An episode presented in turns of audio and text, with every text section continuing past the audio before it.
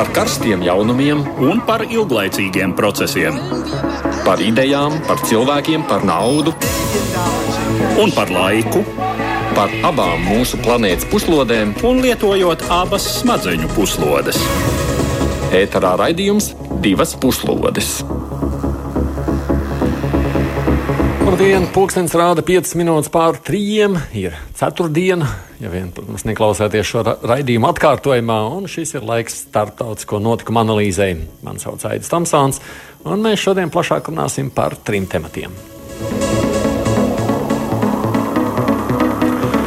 Notikuma ap nenoindēto Krievijas opozicionāru Navaļniju šajās dienās ir turpinājuši eskalēties.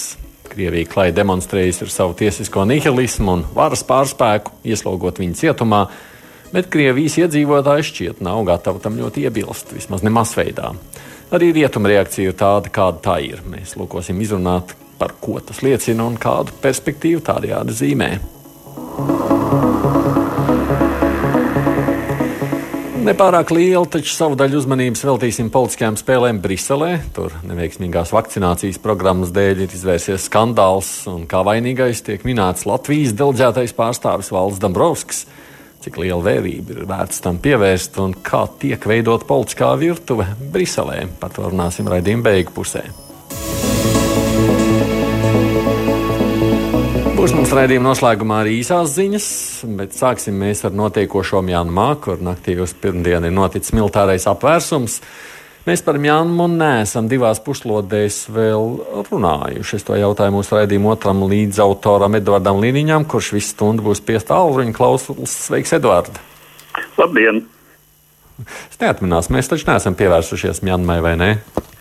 Jā, manā atmiņā arī nav, ka mēs būtu Mjanmai būtiski pievērsušies. Tad klausāmies tagad vispirms tavu sagatavoto faktu apkopojumu. Mjanma līdz 1989. gadam dēvēta par Birmu, savu neatkarību no Britu koloniālās virskundzības ieguva 1948. gadā. Valsts jau kopš pastāvēšanas pirmajiem gadiem saskārās ar iekšēju nestabilitāti, kuras iemesls bija lielais skaits etnisko un reliģisko minoritāšu, kā arī radikāli kreiso spēku, komunistu mēģinājumiem sagrābt varu Demokrātiskā sistēma tā arī nespēja nostiprināties, un 1962. gada apvērsumā pie varas nāca ģenerāļa Nevina vadītā hunta, kas izveidoja toreizējā Birmā sociālistiskas orientācijas valsti ar padomju stila plānveida ekonomiku un vienpartijas politisko sistēmu. Militāristu īstenotais sociālisma eksperiments, kas turpinājās 26 gadus, padarīja Birmu par vienu no trūcīgākajām valstīm Āzijā. 1988. gadā izcēlās plaši nemieri, kas tika nežēlīgi apspiesti, nogalinot vairākus tūkstošus režīma pretinieku, taču ģenerāli Nevinu nomainīja cita militāristu grupa, kas 1990. gadā organizēja valstī samērā brīvas vēlēšanas.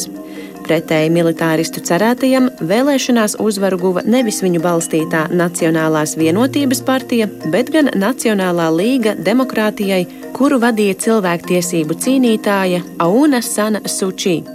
Militāristi atteicās atzīt vēlēšanu rezultātus, Sučī tika ieslodzīta mājas arestā, un vēl 22 gadus valsti turpināja pārvaldīt vīri uzplečos.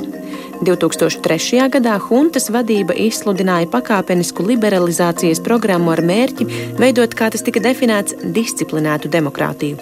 2008. gadā tika pieņemta jauna konstitūcija, kura saglabā nozīmīgu armijas ietekmi valsts dzīvē, tā skaitā tiesības iecelt ceturto daļu no parlamenta deputātiem. 2015. gadā notika brīvas vēlēšanas, kurās pārliecinošu uzvaru atkal guva Nacionālā līga demokrātijai, un tās līdere Sučī 2016. gadā kļuva par jaunizveidotās civilās valdības vadītāju un ārlietu ministri. Viņas valdībai bija nozīmīgi panākumi, atgriežot Mjānmu starptautiskajā apritē, taču iekšpolitiski valsti turpināja satricināt etniski konflikti. Militāristu un parlamentāro grupu uzbrukumi Rohinģu minoritātei valsts ziemeļrietumos tiek raksturoti kā genocīds. Arī parlamenta vēlēšanās pagājušā gada 8. novembrī Nacionālā līga demokrātijai ieguva stabilu vairākumu parlamentā. Jau tūlīt pēc vēlēšanām no militārajām aprindām izskanēja apgalvojumi, ka vēlēšanu rezultāti esot viltoti un solījumi rīkoties. Šie solījumi materializējās pirmdien, kad armijas operācijā tika arestēta Auna San Suči, valsts prezidents Vins Mīns un vairāki citi Nacionālās līgas demokrātijai līderi. Savukārt nepilni 400 partijas deputātu ieslodzīti mājas arestā. Varu valstī pārņēma Nacionālā aizsardzības un drošības padome ar ģenerāli Minu Aunu Hlainu priekšgalā, kas nākamajā dienā izveidoja savu valdību, valsts administratīvo padomi.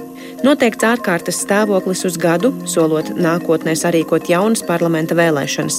Mjanmā notikušo apvērsumu jau nosodījušas Savienotās valstis, Lielbritānija, Eiropas Savienība un apvienoto nāciju organizācija. Klausulas visu šo raidījumu būs arī mūsu ziņdienas kolēģis Uģis Lībijams. Sveiks, Uģi! Sveicināti! Un vēl mums ir pievienojies arī šobrīd Mjanmas draudzības biedrības valdes priekšādātājs Dzirds Kaivāns. Labdien! Labdien, klausītāji! Labdien, Aidi! Ko tad dara tāda Mjanmas biedrība, draudzības biedrība Latvijā? Nu, cenšas uh, veidot ekonomiskos un sociālos sakarus starp valstīm. Kāds tā ir noticis? Gribētu saprast, nu, kādā veidā jūs esat šādā lietā nonācis. Nu, tas bija mans uh, personīgais ceļojums 2007. gadā un uh, atziņa par to, ka uh, Mjanmā par Latviju zinām, vismaz mūsu vecuma paudze. Mm.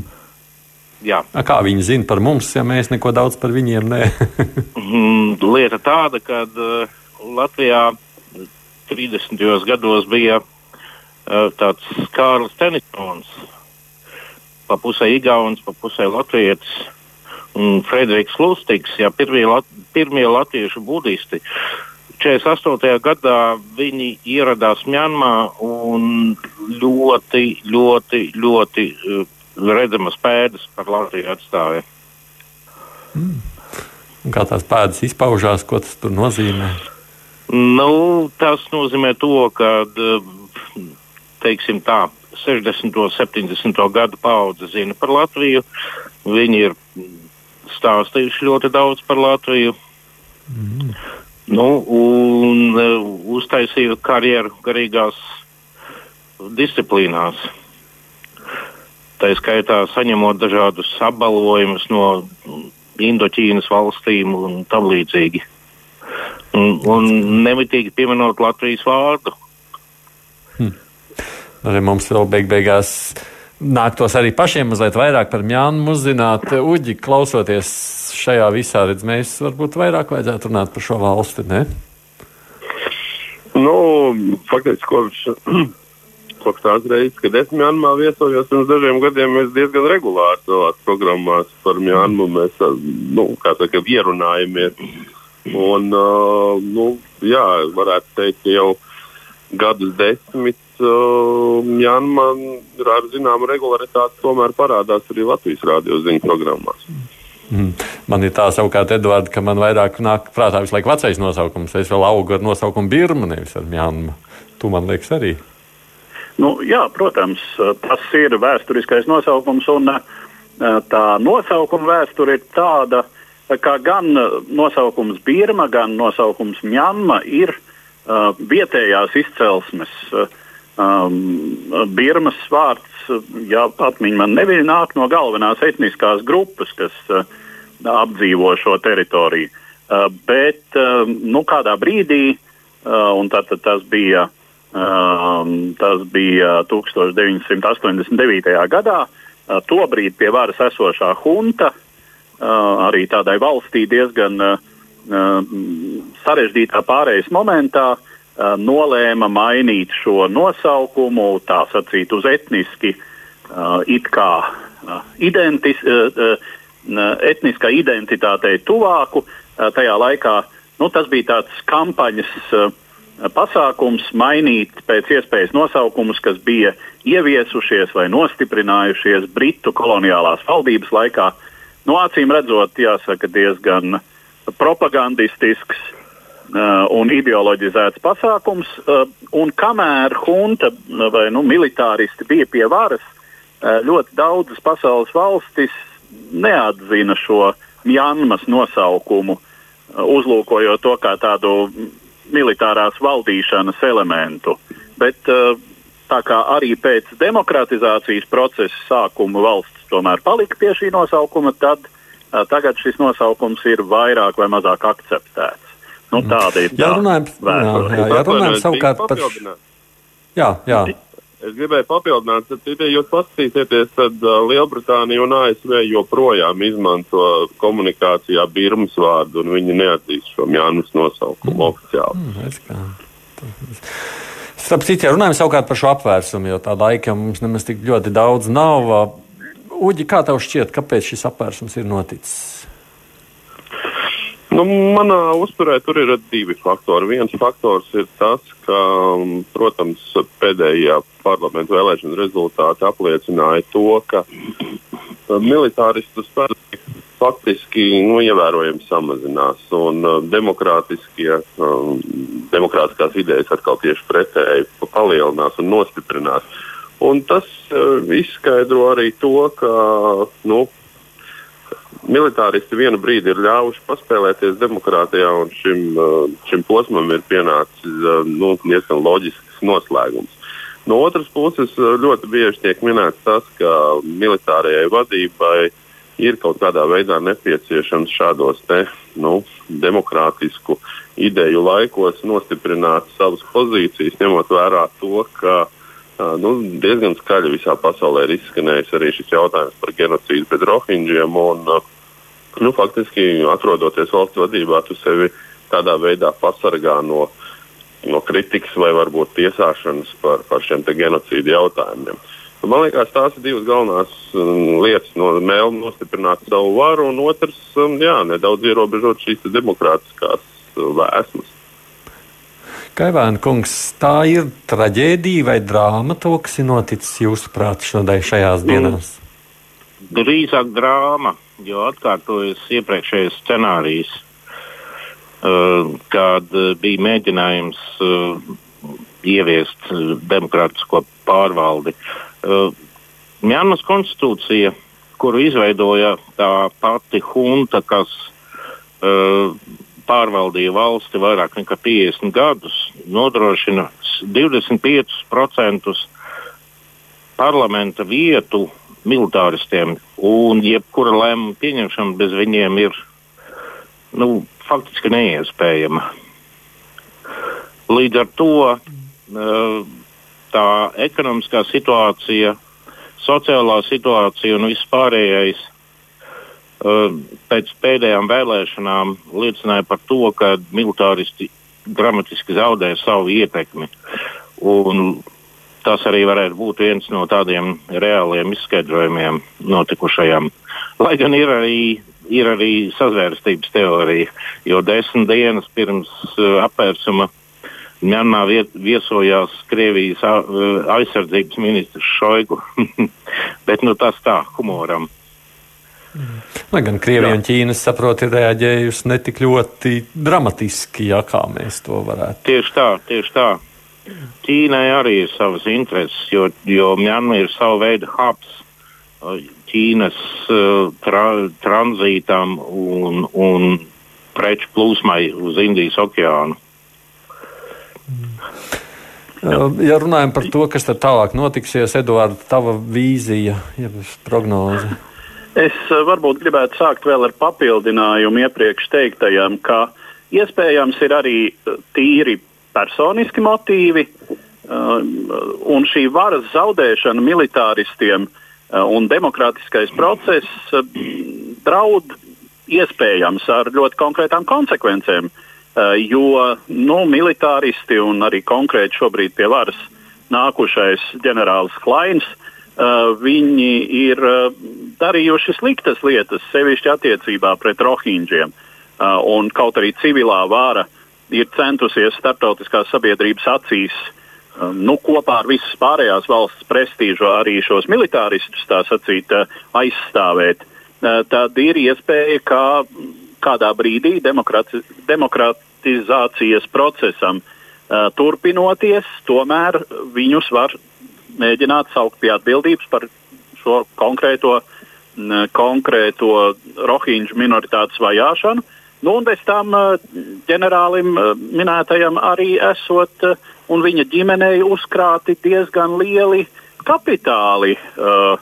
Un šķiet, ka nu, tas nav no ģenerāļa aldziņas. Ja?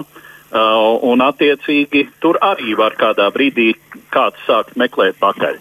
Um, kā, tad šie, kā tad šie īpašumi un, un daļas milzīgās korporācijās ir iegādātas.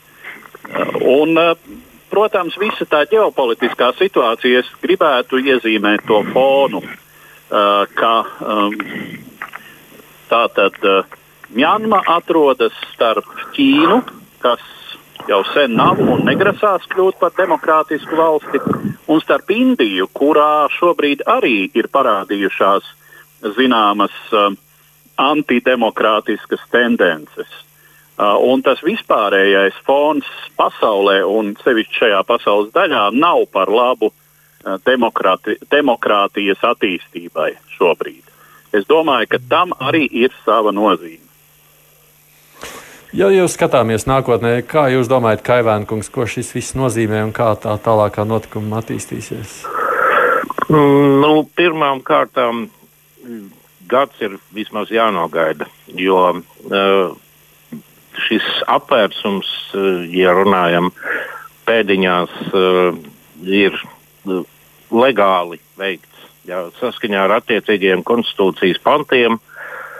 Un uh, nav nekādu indikāciju par to, ko esu jaunā uh, hunta plāno. Nu, mums faktiski nav nekas zināms.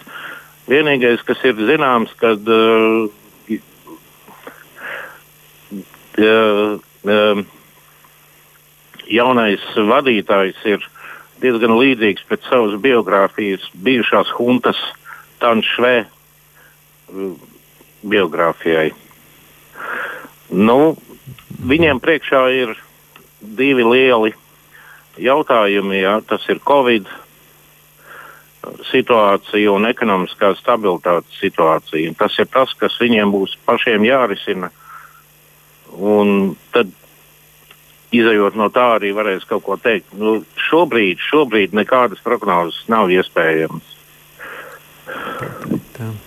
Nu jā, mums vairāk arī par Mjānu nepaspēsim pārunāt, jo vēl ir vairāk nu, aspektu, ko jārunā. Droši vien jau, ka tiem notikumiem nāksies sekot līdzi, jo viss jau tikai šajā nedēļā ir noticis. Normons mums atgādina, ka arī tā plašāk kolēģi no diplomātiskās pusdienas jau bija pievērsušies tieši šim valsts apskatam, tāpēc droši vien jau par pašu Mjānu mazāk šajā reizē, bet par to, kā tie notikumi risināsies Par to vēl nāksies runāt. Mjānmas draudzības biedrības vadītājs Dzirds Kaivēns, paldies jums, ka pieslēdzāties mūsu raidījumā. Paldies! Šodien. Paldies! Visu labu jums! Jādodas uz priekšu, jāturpina runāt par notikumu attīstību Krievijā, tāpēc tagad pievēršamies Krievijai. Otradien tiesas priekšā Maskavā stājās šobrīd redzamākais Vladimira Putina režīma opozicionārs Aleksandrs Navaļnīs. Izdzīvojis noindēšanas mēģinājumā pagājušā gada augustā un vairākus mēnešus ārstējies Vācijā, Navaļnīs 17. janvārī atgriezās Maskavā un tika tūdaļ arestēts. 2014. gadā iztiesātā prāvā, kuru Eiropas cilvēktiesību tiesa atzinusi par politiski motivētu, aktīvajam Kremļa kritiķim tika piespriests trīs ar pusi gadus ilgs nosacīts cietumsots. Soda izciešanas kārtība paredz regulāru reģistrēšanos policijā, kuru Navaļnīs, protams, nevarēja veikt atrodoties klīnikā Berlīnē, sākotnēji komas stāvoklī. Tagad Krievijas tiesu vara apsūdzēja viņu nosacītā soda izciešanas noteikumu pārkāpšanā, un otrdienas sēdē tiesnese Natālija Repņikova lēma, ka apsūdzētajiem piespriežami divi gadi un astoņi mēneši reāla cietumsoda.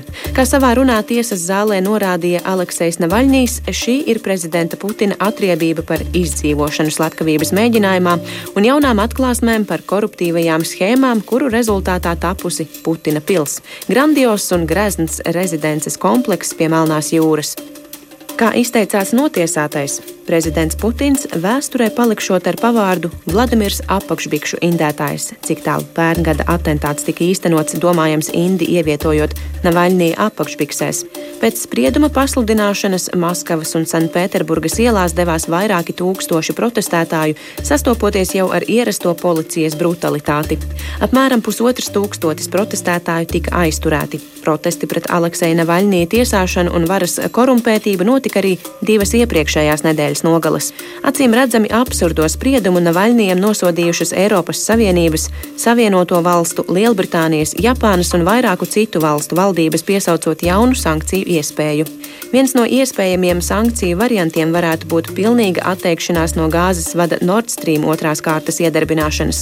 Jau šobrīd šis projekts ir pakļauts Savienoto valstu sankcijām un praktiski iesaldēts. Taču savu akceptu tam joprojām nav atsaukusi Vācijas valdība un Krievijas valsts gāzes ieguves koncerns Gazprom.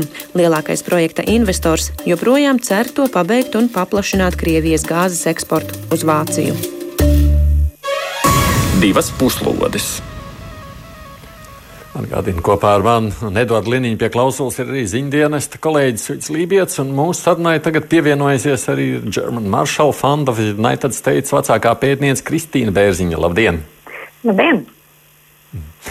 Vispirms tomēr par notiekošo pašā Krievijā. Krievijai ir izdevies nodemonstrēt tādu savu varu un noturēt kontroli pār situāciju. Huģi, kā tu domā? Par kādu situāciju viņai būtu jānotur no. kontroli? Par iekšējo drošību tur taču policija bija pilnā apmērā ielās. es domāju, ka nu, tas, tas, ko arī norādīja pats no vainīgs, un es domāju, tas katram, nu, varētu teikt, sēdes krancim ir skaidrs, ka nu, te jau nebija stāsts par kaut kādu nu, nezinu, situācijas kontroles nodrošināšanu vai drošības garantēšanu. Šeit bija vienkārši stāsts par tautas iebiedēšanu. Uh, ja jautā, vai izdevās, es domāju, ka izdevās. Ļoti labi izdevās. Uh, vai uh, nākamajās nedēļās, nedēļas nogalēs vai jebkuros datumos, ko izvēlēsies vainīgi atbalstītā ielās, izies vairāk cilvēku? Mm, grūti teikt. Droši vien kādu brīdi kāds izies. Uh, pavasarī, ja līdz pavasarim noturēsies, tad pavasarī izies vairāk, gluži kā Baltkrievijā. Nu, cilvēks tāds uh, vienkāršs radījums, viņš pēc siltuma vadās bieži vien. Tad, tas, tas ir mans novērojums pēdējos gados, ka, nu, ja protesti notiek ziemā un ja viņi sākās, tad viņus ir daudz vieglāk nu, pieslāpēt. Um, bet uh, es domāju, ka uh, nu, ja mēs, ja mēs paskatāmies arī to, kas daudzos krievu mēdījos tiek runāts uh, attiecībā pret Navaļnu, ir šī pozīcija, ka uh, nu, Navaļnijas visu laiku tiek uh, parādīts kā nu, korumpēts uh, blogeris, nu, tā, no varas iestāžu puses, uh, kurš ir uh, vairākas reizes tiesāts. Tātad viņš ir nu, kaitīgs elements, atšķirībā no Krievijas prezidenta, kurš ir uh, drošības un stabilitātes garants valstī. Uh, nu, mēs redzam, ka ir kaut kāda uh, vienā veidā domājoša sabiedrības daļa un ir otrā veidā domājoša sabiedrības daļa. Jautājums, cik ilgi tā, kas ticēs še, šim stabilitātes mītam, cik ilgi tā sabiedrības daļa tiešām tam ticēs. Uh, pašlaik es domāju, ka nu, pietiekami uh, pietiekami stabili var justies uh, Vladimirs Putins kādu brīdi, bet es domāju, ar piebildi, ka kādu brīdi. Mm. Mēs jau pagājušajā reizē arī ar Eduardu par to runājam, ka izskatās, ka pagaidām kādu laiku tur tiešām nekas nemainīsies. Savukārt, skatoties no tāda rietumu viedokļa, kā jums šķiet, rietuma ar Eduardu šo te norīs tā kā? Nu, rietumi, rietumi ir, par to mēs arī jau runājām, ja tā var teikt, norījuši um, daudz ko vairāk, proti Krīmas aneksiju, um, Krievijas agresiju Ukrainā, pret kuru, protams, arī, arī tā paša Novičoka lietošanu rietumu valstu teritorijā, proti Lielbritānijā. Uh, tie ir um, nu, teiksim, no tādas starptautisku attiecību prakses drusku smagāki gājieni nekā sava iekšējā opozicionāra slepkavības mēģinājums, pēc tam, protams, absolūti beztiesiska iespundēšana uh, cietumā. Uh, tā kā, bet nu, te ir jautājums par uh, to apzīmējumu norīs. Nu, uh, rietumi skaidrs nevar piespiest uh, Putinu uh, ar, ar savu reakciju radikāli mainīt savu politiku, jo um, Putina politiskais virziens ir tāds, ka to radikāli mainot viņam uh, nu, ir, ir, ir uh, tā, tādā samtainākajā variantā jāmēģina sev ietirgot uh, kriminālā imunitāte līdz mūža galam un uh, jādodas dzīvot atlikušo mūžu, nu, diezin vai pat tajā pilī pie Gelenģikas, bet kaut kur kādā mazākā un pieticīgākā ēkā. Uh, tā kā uh, no otras puses, uh, nu, es domāju, ka jā, ka sankcijas būs un varbūt šajā gadījumā tiešām varētu būt piekrājies tas vācis, uz kura vēl joprojām turas šis Nord Stream 2 projekts. Un tur varbūt ir arī daži citi motīvi un vispārējais fons, kas padara uh, Krievijas gāzi uh, Eiropai ne tikai politiski negaršīgu, bet arī, uh, protams, uh, vispārējā tā situācija ar enerģētikas jautājumiem uh, pakāpeniski mainās pasaulē. Bet es domāju, par to uh, Kristīna, protams, var kompetentāk komentēt. Nu jā, es arī gribēju jautāt Kristīnai, kāpēc tik ļoti šajā situācijā, kad Nu, visa Eiropa jau būtībā runā tikai un vienīgi par zaļo enerģiju. Mēs tur skatāmies ļoti tādā plašā nākotnē par visu situācijas maiņu. Nu, Krievija, tik, Vācija tik ļoti joprojām turas pie šī projekta, kaut arī tas viņiem diezgan dārgi starptautiski šķiet, vismaz no tālu viedokļa maksā. Jā, es pilnīgi piekrītu. Šajā gadījumā Vācija vēl joprojām pieturās pie Nord Stream 2 projekta. Bet, ja skatās vispārējās Vācijas ārpolitikas virzienos, ne tikai attiecībā uz gāzi, bet piemēram attiecībā uz, uz tirdzniecības attiecībām ar Ķīnu, Vācija virza savu un Eiropas ārpolitiku tā, lai Vācijas uzņēmumiem un Vācijas uh, tirdzniecības interesēm būtu labāk. Un Merkeles vadības laikā nav bijis īsti novirziens no šīs sliedes.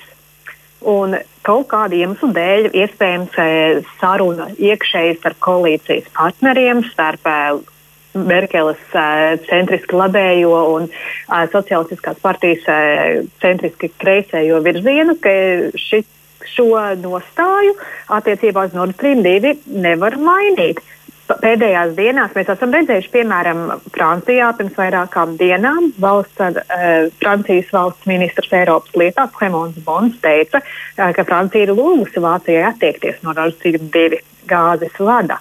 Uh, tad, Tagad pāris dienas vēlāk Vācijas ārlietu ministrs teica, ka tomēr viņi neiejauksies šādā Vācijas iekšpolitikas jautājumā.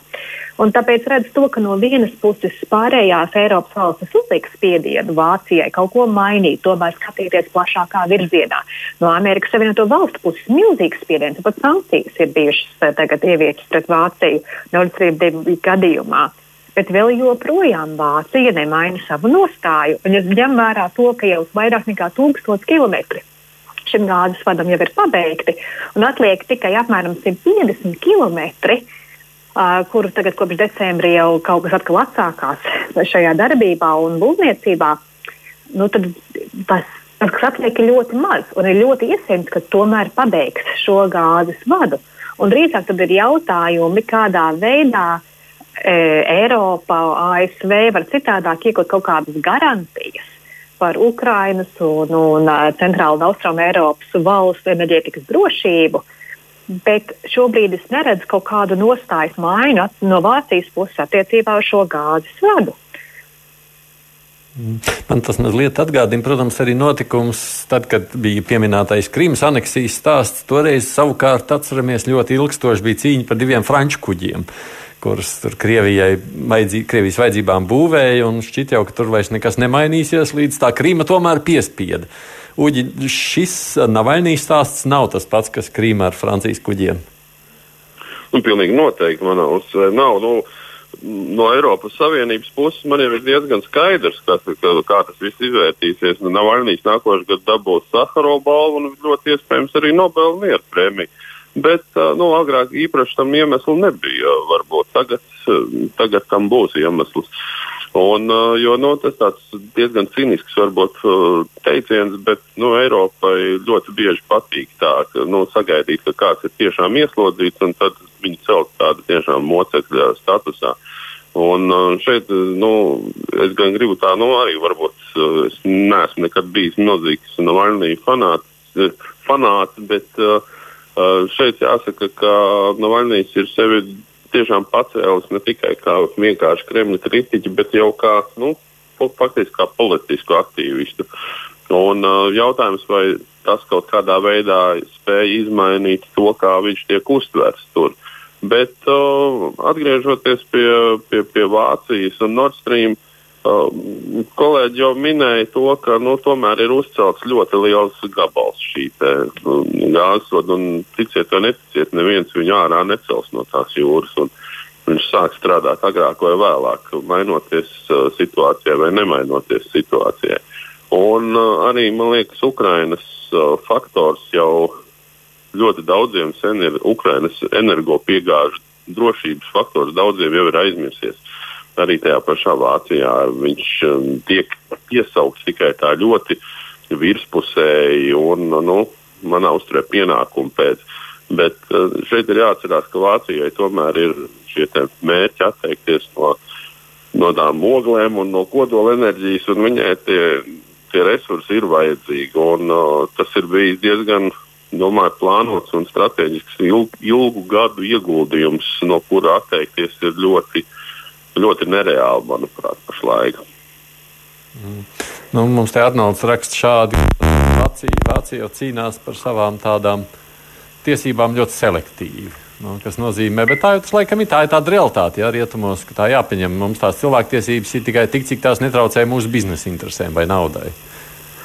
Nu, savā ziņā jau tā tas ir. Mēs atceramies, ka Padomju Savienība, kas bija ļoti nopietns ideoloģiskais pretinieks, ja šī globālā pretstāva augstā kara laikā starp divām sistēmām, netraucēja tomēr gan Padomju Savienībai, uh, gan no Padomju Savienības pirkt naftu un gāzi, gan pārdot tai labību uh, vajadzības brīdī, gan arī iedot uh, šādus tādus kredītus uz Padomju Savienības tā sacīt mūža nogali. Uh, Nu, teiksim tā, protams, eh, šie kredīti zināmā mērā izrādījās vēlāk arī tāda laba svira, ar ko Padomju Savienību, kad sākās Padomju Savienībā eh, zināmās pārmaiņas, ko sauc par pārkārtošanos, tad veicināt šo demokratizācijas procesu un zināmā mērā veicināt pēc tam arī Padomju Savienības sairšanas procesu, um, neļaujot uh, Um, padomju Savienībai lietot, un, un tā brīža līderim Gorbačovam lietot spēku, piemēram, Baltijā. Bet um, um nu, Putins nav Gorbačovs, laiks ir cits.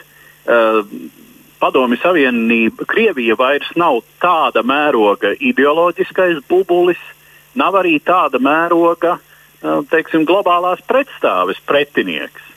Um, šajā ziņā nu, nav tik akūts šis jautājums uh, pasludināt Krieviju par uh, ļaunumu impēriju, bet um, nu, Uģis jau arī ļoti pareizi iezīmēja. Tas tiešām ir tāds strateģisks projekts, no kurā teikties ir ļoti grūti. Un viss jau ir zināmā līdzsvarā un zināmā savietojumā. Jo, ja teiksim, atsakās no šī, tad um, kādas nevēlamas ekonomiskas konsekvences Vācijai, um, nu, tas ir arī zināms risks. Vācija, sap, kā zināms, saprotu, ir Eiropas Kristi, nesošā siena uh, finansiāli, um, ekonomiski un uh, zināmā mērā arī politiski, un nedod Dievs, ja teiksim, Vācijā pie varas nāktu uh, kāds uh, teiksim, nekonvencionāls, radikāls spēks, kaut kādi, piemēram, alternatīva Vācijai, vai, vai kas tam līdzīgs. Ne par, ne par Vācijas politiku, bet vai es pareizi tad, Kristīna, saprotu no, no tādas enerģētikas zaļuma viedokļa, tad ogles un vai kodola enerģija ir sliktāka par gāzi, dabas gāzi Krievijas. Nu, tāds ir tas uzstādījums, jā? Jā, nu, uzstādījums ir tāds, ka, ka vissliktākais, ļaunākais no klimata pārmaiņu viedokļa ir akmensogles un ogles kā tādas.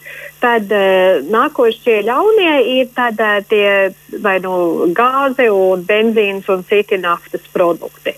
Un, protams, otrā pusē stāv uh, zaļās enerģijas, saule un vējš un nu, citu dabas gāzi. Tāda ir no bioloģiski veidota gāze uh, un, un citas iespējas. Nu, Vācijā no uzņēmēja puses ir arī uzstādījums tāds, ka ar zaļo enerģiju vēl nepietiek un vajag kaut ko citu.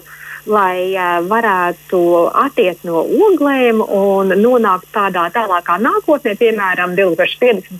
gadā, ka nebūs vairāk uh, naftas produkti. Bet tas vēl ir tālu, un tajā starplaikā būtu nepieciešama vēl gāze un šis jaunais gāzes vats. Protams, tas, uh, tie dati, pēc kuriem tiek pierādīts, uzskatīts, kādēļ uh, vajag vēl gāzi un kāds ir sagaidāmais uh, gāzes pieprasījums Vācijā. Tas ir tādi, tie, tie uzstādījumi ir tādi, kas ir ļoti draudzīgi naftas kompānijām. Vai tā tiešām būs? Vai visi, tie, vai, vai visi uz gāzes pievada tagad jaunie, jaunie gāzes tagad, krājumi, kas nonāks Vācijā, vai tie tiešām būs nepieciešami nākošo 20 gadu laikā, daudziem liekas nē. Piemēram, zaļā partija Vācijā ļoti uzstāja, ka šis, tā, šis gāzes vats ir. Ir nav nepieciešams no ekonomiskā viedokļa, no enerģētikas viedokļa uh, un arī no politiskā viedokļa. Tāpēc arī pašā Vācijā ir ļoti daudzpusējas tā, tā, tā saruna kur, piemēram, kur no zaļās puses un daļa arī no Merkels pašas partijas uzskata, ka tas nav nepieciešams. Politiskā cena šām gāzes vadam ir pārāk liela. Bet citi atkal uzstāja, ka, no, ka tas politiski ir izdevīgi un ekonomiski tas ir nepieciešams. Nu jā, mums acīm redzot, runājot savukārt par to, kas notiks ar gāzi, droši vien arī par Krieviju, laikam vienīgais jāpabeidz to skatu, tad mēs um, redzam, Navaļnijas sēdēs cietumā, būs Nobela miera prēmijas laureāts. un mums būs par ko parunāt ik pa brītiņam. Pasaulē patīk cietēji. Nu, jā, un, un arī, vienīgi, arī par, par Krieviju svarīgi tas, ka no šodienas Eiropas Savienības augstais, augstākais pārstāvis Žuzeps Borels uh, brauks vizītē uz Maskavu. Un augstākie pārstāvji Eiropas Savienības nav bijuši Maskavā kopš 2017. gada. Un tas rāda to, ka lai gan uh, Navalnijas ir notiesāts nesakarīgi, lai gan Eiropas Savienība nosoda šo, Žuzeps Borels vēl joprojām šonadēļ lidos un tiksies ar Lavrovu un veicinās tālākās Eiropas attiecības ar Krieviju.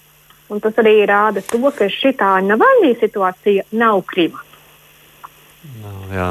Nu, paldies, nu, jā, nu, Kristīnai Beizniei, kas ir German Marshall Fund of United States vecākā pētniece. Jā, mēs par politiku un politiskajām spēlēm Briselē grasāmies turpināt runāt, tāpēc paklausāmies vispirms ierakstu. Pagājušajā piekdienā Eiropas komisija izsludināja savu kontrolas mehānismu Covid-19 vakcīnu eksportam ārpus Savienības, kas tapis pēc tam, kad viens no potenciālajiem piegādātājiem, kompānija AstraZeneca, paziņoja, ka spēs nodrošināt tikai apmēram trešdaļu no februārī plānotajām piegādēm. Kontrolas mehānismam jāveicina vakcīnu pieejamība Eiropas Savienībā, cerot īstenot agrāk deklarētos vakcinācijas plānus. Tomēr jau dažas stundas pēc izsludināšanas plānu nācās koriģēt daļā, kas paredzēja kravu kontroles ieviešanu uz robežas starp Īrijas republiku un Ziemeļīriju, tādējādi veidojot šeit daļēji slēgtu robežu. Kā zināms, šīs robežas jautājums bija visgrūtāk risināmais sarunās par Lielbritānijas attiecībām ar Eiropas Savienību pēc Brexita, un vakcīna eksporta kontroles plāna publiskošanai sekoja tūlītēji asi protesti no Lielbritānijas, Īrijas un Ziemeļīrijas autonomijas valdību puses.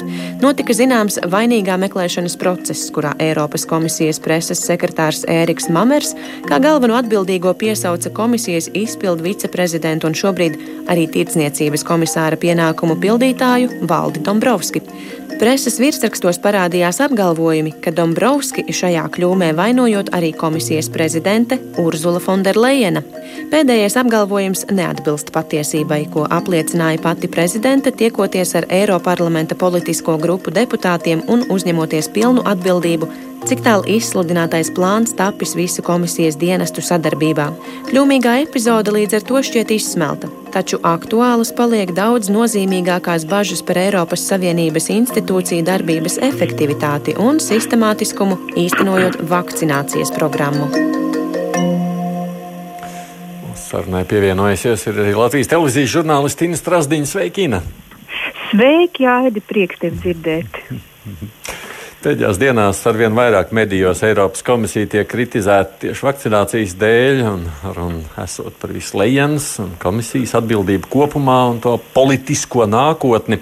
Es redzu, to politisko virtuvi tik labi nepārzinu.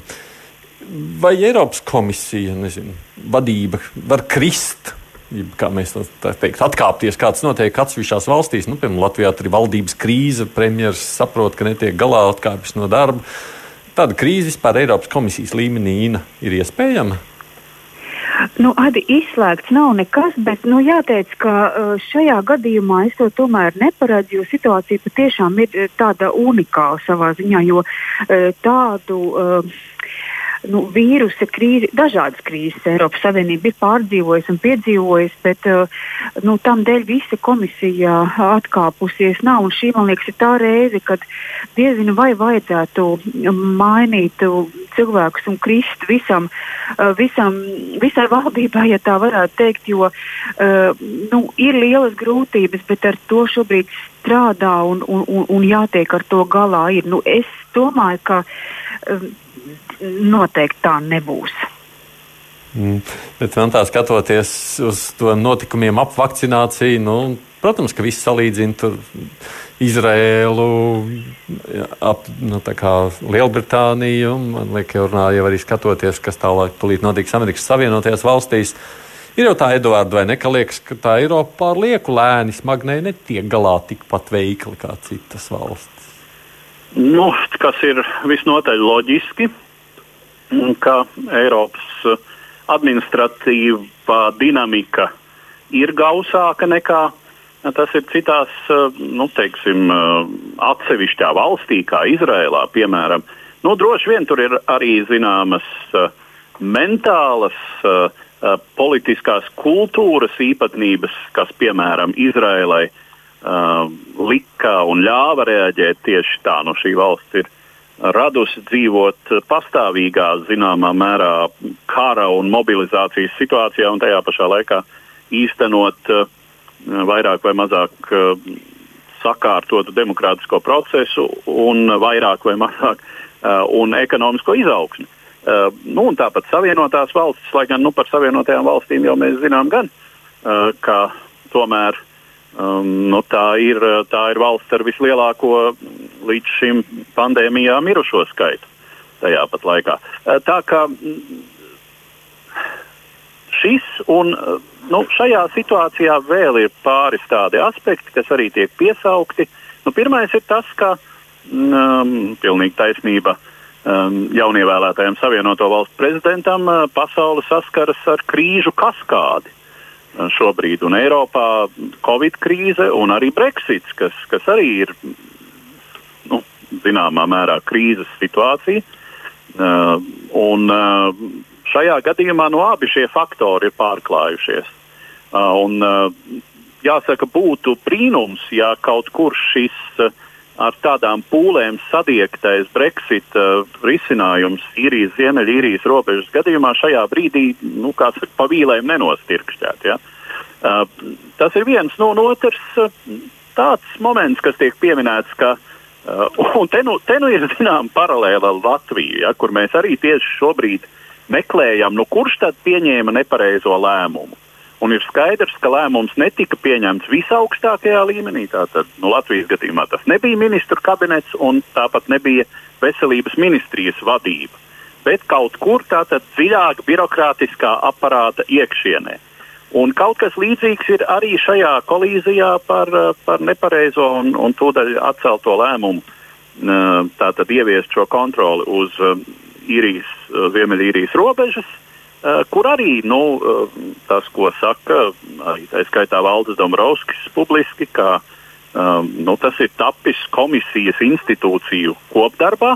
Un jautājums ir, un, un tas, tas ir tāds viedoklis, ko man nācās lasīt, ka iespējams šiem komisāriem ir pārāk maza teikšana par viņu um, administrāciju, to birokrātisko aparātu, kuru viņi vada šīm, šiem, šiem direktorātiem. Un kā tiem ģenerāldirektoriem, kas ir faktiski nu, aparāta vadītāji zem šīs politiskās cepures, ir liela birokrātiska vara, un tur tiešām kaut kas uh, varbūt būtu pat jāmaina. Varbūt, es skatos uz pulksteni, man ir tikai trīs minūtes, tāpēc es tā raizīgi domāju. Ko tu domā, Uģi, par šo nu, Dombrovski kā grēkāzi? Nu, es šajā brīdī gribētu, nu, Edvards izņēma man vārdus no, no mutes, ka šeit tiešām ir ļoti liela līdzība ar, ar, ar Latviju, un kādam, kāds jau vainīgais ir jāatrod, un tas nekādā gadījumā nav tas pats galvenais, kas vienmēr ir. Un, ja mēs ko varam izlasīt arī izdevumā Politico, šodien ir uh, raksts tieši par to, ka, ja nu ir kāds, ko vainot, tad tā ir Urzula Fonderleina un viņas izvēlētā stratēģija kopumā. Arī par šo kavēšanos, ka iemesls ir vienkārši, kamēr amerikāņi nāca ar lielu biezu maku, rādot, ka mēs esam gatavi iepirkt vakcīnas, nu, Eiropas Savienība faktiski izvēlējās ar zāļu ražotājiem slēgt gan rīz vai tirdzniecības līgumu, uzliekot viņiem arī juridiskas saistības un pienākumus. Un tāpēc arī šis process ir ie, ja, nu, ievilcies. Uh, nu, šajā gadījumā es domāju, Valdis Dombrovskis kā viens no tuvākajiem un pat tieši par varbūt tirdzniecības sfēru atbildīgajiem vienkārši trāpījās nu, zem slapju vielu, dabūja drusciņā slapju vielu, bet uh, Es domāju, ka nu, nebūtu ne, viņš nav tas, tas, tas, tas um, lielais vainīgais. Es arī piekritīšu Edvardam, ka tiešām ir uh, lēmums tomēr nepieņem komisāri, bet tas tiek izstrādāts šī, šī procedūra, tas tiek izstrādāts gaiteņos un citādāk zemākos līmeņos. Nu jā, Klausoties tajā visā, tad sanāk tā, ka tāda politika, nu arī šādas politiskas spēles notiek Briselē. Jā?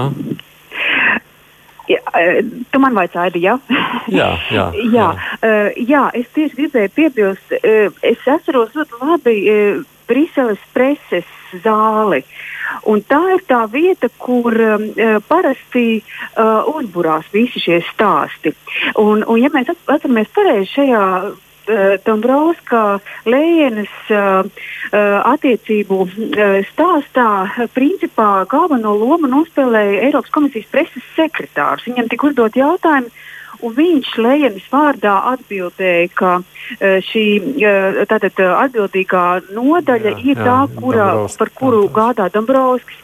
Un tas ir tas, ko arī uzreiz notvēra mēdīji, tāpēc arī šī, šis stāsts tā radās. Bet, manuprāt, uh, Dombrovskis jau arī pats to ir uh, visu pateicis, nu, ir lējana, ka uh, tas ir principā tāds. Uh, Nu, būtībā komunikācijas pārpratums. Bet, pārpratums, bet man jābeidz. Es, skat, jā. es zinu, ka man gribētos vēl pajautāt, bet laiks skrienas priekš. Mums vēl ir īsās ziņas, tāpēc es jums saku paldies. Latvijas televīzijas žurnālistīna Strasdiņa, radio ziņdienas kolēģis Uģis Lībijams, mūsu raidījuma līdzautors Edvards Liniņš. Paldies jums, ka jūs pieslēdzāties šajā sarunā. Jo nu, te ir daudz droši vien ko runāt, bet daži jaunumi īsumā vēl ir jāapkopo, tāpēc mēs raidījumu turpinām ar dažām citām ziņām. Daudzās pasaules valstīs lielākā uzmanība šobrīd ir pievērsta vakcinācijai. Izskatās, ka vakcinācijas pretiniekiem arvien vairāk būs jārēķinās ar visvisādiem šķēršļiem. Pirmkārt, jau ceļošanai. Valsts apsver sākotnēji atvērt robežas tikai tiem, kas varēs pierādīt, ka nerada risku. Taču daudz vietās būs nepieciešams arī valsts iekšienē. Dānija ir paziņojusi, ka cīņā ar pandēmiju plāno izstrādāt digitālas vakcīnas pases. Rosinājusi to ir Finanšu ministrija. Idejas izstrādāja iesaistīti ir pārstāvi no Dānijas Rūpniecības konfederācijas, Dānijas Tirzniecības palātas un kultūras nozares. Finanšu ministra vietas izpildītājs Mortens Botskovs uzsvērs, ka ir būtiski atkal atvērt Dānijas sabiedrību un ļaut uzņēmumiem atgriezties normālā darba režīmā. Iespējams, ka cilvēki varēs izmantot digitālās vakcinācijas pases, lai varētu atkal apmeklēt restorānus, konferences, mūzikas festivālus un sporta pasākumus. Tiesa par šo vēl ir gaidāmas diskusijas. Turklāt tiek lēsts, ka pases un lietotnes izstrāde prasīs 3 līdz 4 mēnešus. Vakcinācijas procesu varētu pātrināt ne tikai esošie vakcīnu piegādātāji. Tirgu var ienākt arī Krievijas vai Ķīnas vakcīnas, ja vien Briselē būs iespējams pārliecināties par to drošumu un efektivitāti. Lielākas cerības šajā ziņā ir Krievijas puķņika vakcīnai, kura spējusi beidzot noslēgt visas izmēģinājuma posmas. Eiropas komisijas prezidenta Urzula Fonderleina, tiekoties ar Eiropas parlamenta deputātiem, paziņoja, ka Krievijas un Ķīnas vakcīnas tiks apstiprināts izmantošanai Eiropas Savienībā, ja šo vakcīnu ražot ražotājs sniegs visus datus. Brisele jau iepriekš pavēstīja, ka Krievijas ražotājs ir kontaktējies ar bloka medikamentu regulātoru, tomēr oficiāls pieteikums apstiprinājuma saņemšanai nav iesniegts. Eiropas komisijas pārstāvis sakriem ar presi otrdien sacīs, ka kritērijs vakcīnu līgumiem ir ražotāja iespējas ražot vakcīnas bloka teritorijā. Tikmēr daži Eiropas valstu līderi apsver iespēju noslēgt individuālus līgumus ar Krieviju. Kā liecina izmēģinājuma rezultāti, Sputņika efektivitāte ir gandrīz 92%. Interesants pavērsiens noticis strīdās starp Austrāliju un Google par ziņu satura izmantošanu. Austrālijas pusē nostājies ASV tehnoloģija gigants Microsoft. Viņi trešdien piedāvājuši radīt savu alternatīvu, ja Google realizēs draudus un Austrālijā pārtrauks piedāvāt Google un Facebook. Microsoft prezidents Brets Smits norāda, ka uzņēmums pilnībā atbalsta likumprojektu, kas liktu Google un sociālajiem tīklam Facebook maksāt medijiem par to ziņu izmantošanu. Google un Facebook ir solījuši Austrālijā bloķēt piekļuvi saviem pakalpojumiem, ja likumprojekts, kas šobrīd ir nodots izskatīšanai parlamentā, stāsies spēkā tā pašreizajā formā. Smits uzskata, ka šis ierosinājums cenšas saprātīgi nodrošināt balansu starp digitālajām platformām un Austrālijas ziņu biznesiem. Microsoft esot gatavs uzlabot savu meklēšanas pakalpojumu Bing, kas salīdzinājumā ar Google pasaulē dominējošo produktu šobrīd ir niecība, un pieņemt Austrālijas biznesa reklāmdevējus šajā platformā bez pārējas maksas. Startautiskajā telpā atkal uzjundījušas sarunas par Donalda Trumpa saistību ar Krieviju. Bijušais valsts drošības komitejas spiegs Jurijs Švets laikrakstam Guardian apgalvojis, ka savulaik Padomju Savienība un vēlāk arī Krievija ir kultivējusi Donaldu Trumpu kā savu aktīvu un jūsmojas par viņa gatavību atkārtot pret rietumiem vērstu propagandu. Par šo vēstu arī Vācijas mēdī, kā arī raksta žurnālists Kreigs Ungers savā grāmatā Amerikāņu kompromats. Trumps esot nonācis padomju dienestu uzmanības lokā, kad viņš 1977. gadā aprecēja čehu modeli Ivanu Zelnīčkovu. Savukārt pēc desmit gadiem, kad Trumps pirmoreiz apmeklēja Maskavu ar Ivanu, VDK darbiniekiem izdevies Trumpu uzvedināt uz domām, ka viņam vajadzētu darboties politikā bija tāda sajūta, ka Trumps bija ļoti neaizsargāts intelektuālā un psiholoģiskā ziņā, un viņš padevās glaimiem. Tā stāsta Šveits savā atmiņā, un viņi to izmantoja. Drīz pēc atgriešanās no Maskavas Trumps ievietoja veselu lapusi garu reklāmu lielajos laikrakstos, paužot skepsi par ASV dalību NATO. Kāds ir Šveits, šādu uzskatu paušana aizsardzības jomā izraisījusi sajūsmu Maskavā. Un vēl par Itāliju. Ļoti iespējams, ka Itālijas valdību vadīs bijušais Eiropas centrālās bankas vadītājs Mario Draghi. Trešdien Itālijas prezidents Sergio Mattarella viņu uzaicināja uzņemties valdības veidošanu. Dragi paziņoja, ka centīsies izveidot koalīciju, kas varētu aizstāt līdzinājā premjerministra Giuseppe Kontes vadīto. Jau ziņots, ka Konte 28. februārī iesniedz atlūgumu, cerot, ka prezidents uzticēs viņam jaunās valdības veidošanu. Tomēr viņa izaicinājums bija ekspremjera Mateo Renci partija Itālijā Viva, kur atteicās strādāt kopā ar Konti. Viņa domstarpība pamatā bija strīds par to, kā izmantot Eiropas Savienības palīdzību pandēmijas skartajām dalību valstīm. Tikmēr socioloģiskās aptaujas rāda, ka absolūtais vairums itāļu pauž neizpratni par partiju strīdiem laikā, kad valsts cīnās ar pandēmijas izraisīto krīzi. Lūk, tādas vēl bija ziņas par citām aktualitātēm. Ar to mūsu raidījums divas puslodes arī izskan. Kā jau lielākoties ierasts, raidījumu vadīju es, Aits Tomsons, bet mūsu producente šoreiz bija Loreta Bērziņa. Mēs atvadāmies uz vienu nedēļu. Tad jau atkal lūkosim, kas jauns noticis abās divās zemes puslodēs.